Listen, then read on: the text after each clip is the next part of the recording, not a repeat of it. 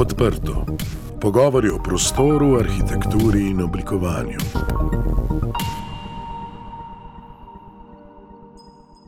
Lepo pozdravljeni in dobrodošli v novi oddaji podcasta Odprto. Tokrat se bomo pogovarjali o svetlobi, bolj natančno o umetni svetlobi. Tokratni gost je oseba, ki se z umetno svetlobo ukvarja tako po tehnični kot vizualni plati. Pogovarjali se bomo z Matjažem Mausarjem, direktorjem podjetja Arkadija, pri katerem že 30 let načrtujejo osvetlitve prostorov in prodajajo izbrana svetila.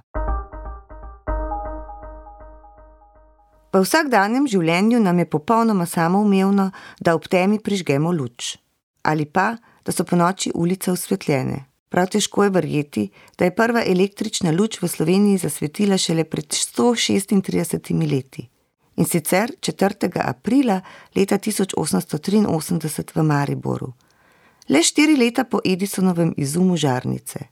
Predtem smo prostore osvetljevali svečami, petrolejkami ali celo baklami, z načini, ki so bili nevarni tako za naše zdravje kot varnost. Danes je kaj podobnega težko predstavljati, saj umetne svetlobe na pretek, pa še izjemno varna in lahka za uporabo je, le dotik stran. Ob tem ni pestra ali tehnološka raznovrstnost, kjer klasične vere svetlobe nadomeščajo bolj sodobni, ampak tudi njena oblikovna raznovrstnost. Oblikovanje svetil se je razvilo v svojo industrijo, podobno kot modno oblikovanje. Z razvojem in večjo uporabo umetne svetlobe so prišle tudi določene tegobe.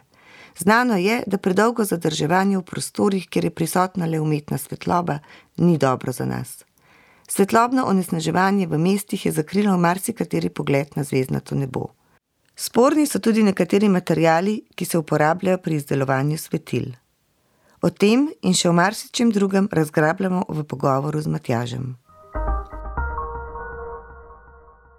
Matjaž, pozdravljen. Živijo. Živja. Že sedem let vodiš podjetje Arcadia Lightwear. Uh, zakaj Lightwear? Ali prostori nosijo svetila podobno kot ljudje nosimo oblačila? Vse to drži, eh, drži pa tudi to, da mi eh, prinašamo svetlobo v prostor. V prostor. Umetno svetlobo. Umetno svetlobo. Osvetlitev prostorov z umetno svetlobo lahko štejemo med največje izume človeštva. Z umetno svetlobo je človek stopil iz teme in si podaljšal dan. Kateri izzivi oblikovalca svetlobe pa so najpomembnejši danes? Ja, ni čisto tako, ker um, legenda pravi, da je um, Edison izumil žarnico, um, seveda je v laboratoriju delal pozno v noč, cele noči, žena ga ni skoraj nič videla. In ko je enkrat izumil žarnico, um, preteče ženil spalnico, pove: Izumil sem žarnico, mu žena pravi: Ugasen luč, pa pa je spat. Tako da, Tako da, ja, ampak uh, šalo na stran, um, uh, ja, današnji izzivi. Današnji izzivi so v bistvu s pomočjo umetne svetlobe ali pa približati oziroma podaljšati čas delovanja uh, našega delovanja, uh, ali uh, zgodaj v jutro ali pozno v noč. Um, se mi zdi, da je to bistvo. Arhitekti zelo radi poveličujemo naravno svetlobo in njen vpliv na vzdušje, ki ga pričara v prostoru. Kakšen odnos pa ti vidiš pri svojem delu, da ga gojimo do umetne svetlobe? Znamo z njo podobno slikati prostore kot z naravno svetlobo? Zmeraj bolj. Um, v teh 30 letih delovanja podjetja um, smo um, se, upam, trditi tudi z našo pomočjo um, nekako kulturo umetne svetlobe uh, uspeli zelo razširiti.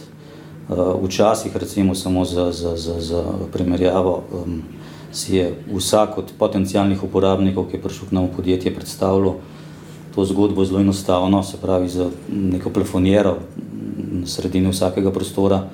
No, danes, ko prihajajo uporabniki končni, tudi končni, ne samo arhitekti, ki smo jih pač čez leta uspeli izobraziti uh, na temo uporabe umetne svetlobe, tudi končni uporabnik pričakuje nekaj več, eno dodano vrednost um, um, projektiranju oziroma projektu umetne svetlobe, ker se Eh, hvala Bogu, vsi vedno bolj zavedamo, da, eh, kot sem že na začetku omenil, eh, naše delovanje oziroma sam sistem življenja je precej drugačen, kot je bil včasih in to zahteva jasno tudi prilagajanja s pomočjo tehnologije.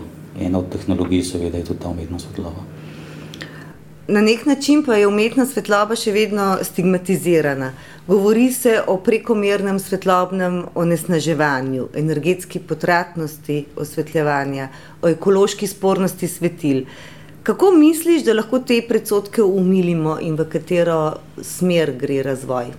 Ja, tukaj bi um, to zgodbo bi mogoče razdelil na, na, na, na, na dve strani. Ena stran je um, nevestno ravnanje z umetnimi veri svetlobe. Tukaj bi predvsem poudaril um, gonjo za zaslužkom uh, oseb, ki niso poklicani za to, prvič, da um, projektirajo umetno svetlobo oziroma načrtujejo umetno svetlobo in uh, jim je na koncu mar samo za, za, za, za pač, uh, prodajo. Uh, druga stvar, predvsem, uh, če se pa um, obrnemo na stran projektiranja oziroma oblikovanja umetne svetlobe, bi pa mogoče rekel tako, ne, um, ljudje se vsega neznanga bojimo ne, in to je tudi um, na področju um, projektiranja uh, umetne svetlobe uh, podobno. Prvič, um, neka resna um, šola za, za, za projektiranje umetne svetlobe v Sloveniji ne obstaja, celo več v Evropi je samo par teh šol, največ seveda, najbolj je to razvito v skandinavskih državah, Švedska, Finska, nekaj malega se dogaja v Nemčiji, potem se pa to neha, tako da smo na področju projektiranja oziroma načrtovanja umetne svetlobe tudi v Sloveniji um, samouki. Tukaj um, vsa čast podjetjem, ki um, počas dosegajo um, to starost, kot jo mi, uh, zelo veliko se v Sloveniji, sploh v zadnjih letih dela na tem področju, uh, vedno boljši smo. In uh, s pomočjo razumevanja uh, same umetne svetlobe, tudi glavnih uporabnikov oziroma glavnih protagonistov na trgu, to so uh, na koncu arhitekti, uh, smo uspeli, po mojem mnenju, v Sloveniji to zavest dvigati kar na, na, na zavedljiv nivo. Umetna svetloba bo vedno samo približek naravne. Ali bomo kdaj dosegli takšen napredek, da bomo lahko ustvarili umetno naravno svetlobo? Kako daleč oziroma kako blizu temu smo? Ehm, moja trditev in za tem stojim trdo je, da nikoli. Mi se lahko vedno samo približamo uh, naravni svetlobi. Mi ne moramo približati oziroma načrtovati. Um, poglejte, čist tipičen primer uh, dogajanja vremena čez dan. Zdaj imate sonce ali pa meglo, potem imate malo sonca, oblačno je, zvečer pada dež. Um, teh zgodb čez dan, občutja človeka, ki jih ob tem doživlja, ne bomo mogli nikoli stoprocentno dosegati. In jaz mislim, da je tudi tako prav. Imamo pa, oziroma so, obstajajo pa na trgu in, in moram reči, da vedno boljša urodja, ki se dnevni svetlobi približujejo. Oziroma z temi urodji, z uporabo ta prave tehnologije, lahko z umetno svetlobo zelo, zelo dobro simuliramo tudi naravno svetlobo. Seveda ima poleg osvetljevanja, funkcionalnega, imajo svetila tudi močno vizualno vlogo. Kakšno svobodo ima oblikovalec svetil pri tem, ali velja še vedno, da samo funkcija sledi formi, oziroma forma sledi funkciji? Forma bo za dobro svetilo vedno mogla slediti funkciji. Um, drugače um, imamo na eni strani lep objekt, ki je nefunkcionalen, ali pa kontra.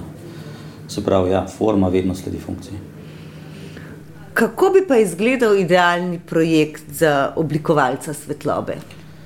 No, po 22 letih delovanja v podjetju, oziroma 22 letih načrtovanja svetlobe um, na, ta, na to vprašanje, še zdaj ne vem um, idealnega odgovora.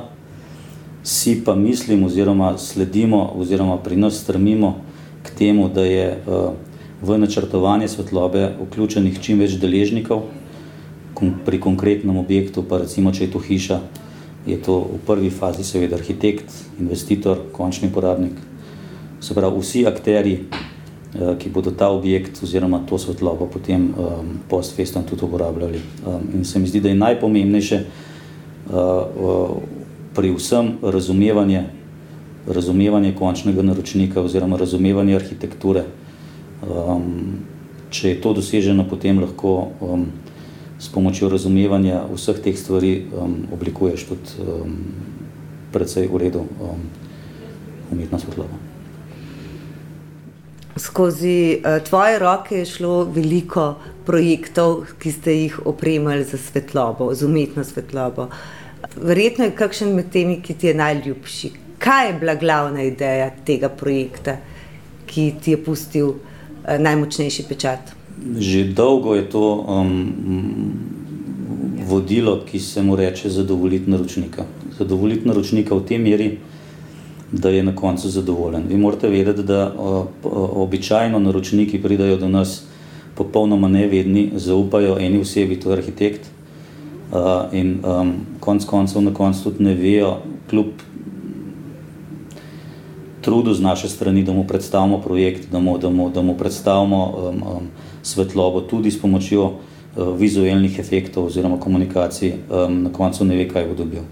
In tisti klic um, um, točno to sem si predstavljal, oziroma točno to um, sem dobil, kar si mi opisal, je na koncu še vedno um, najsrečnejši, uh, rečemo temu, um, čas, oziroma najsrečnejše, um, najsrečnejša stvar uh, pri posameznem projektu. Tako da v resnici si najlepšega projekta upam, da še nisem naredil um, um, in ga tudi kakšnega favorita v vseh teh 22 letih um, moram reči, da nimam enega projekta, um, ker je vodilo čisto nekje druge. Tudi trendi v oblikovanju in načrtovanju umetne svetlobe v notranjosti se spreminjajo. Se zato projekti starajo in se lahko vidi, da so bili nekateri narejeni pred časom, ali je svetloba tista, ki je brezčasna in so dobri projekti še danes dobri? Dobro projektirana svetloba bo vedno dober projekt. Uh, se pravi, seveda se spremenja tehnologija, seveda se spremenjajo um, um, um, viri svetlobni. Veste sami, da pred desetimi leti je malo kdo vedel, uh, da obstaja led žarnica oziroma licijalka na trgu.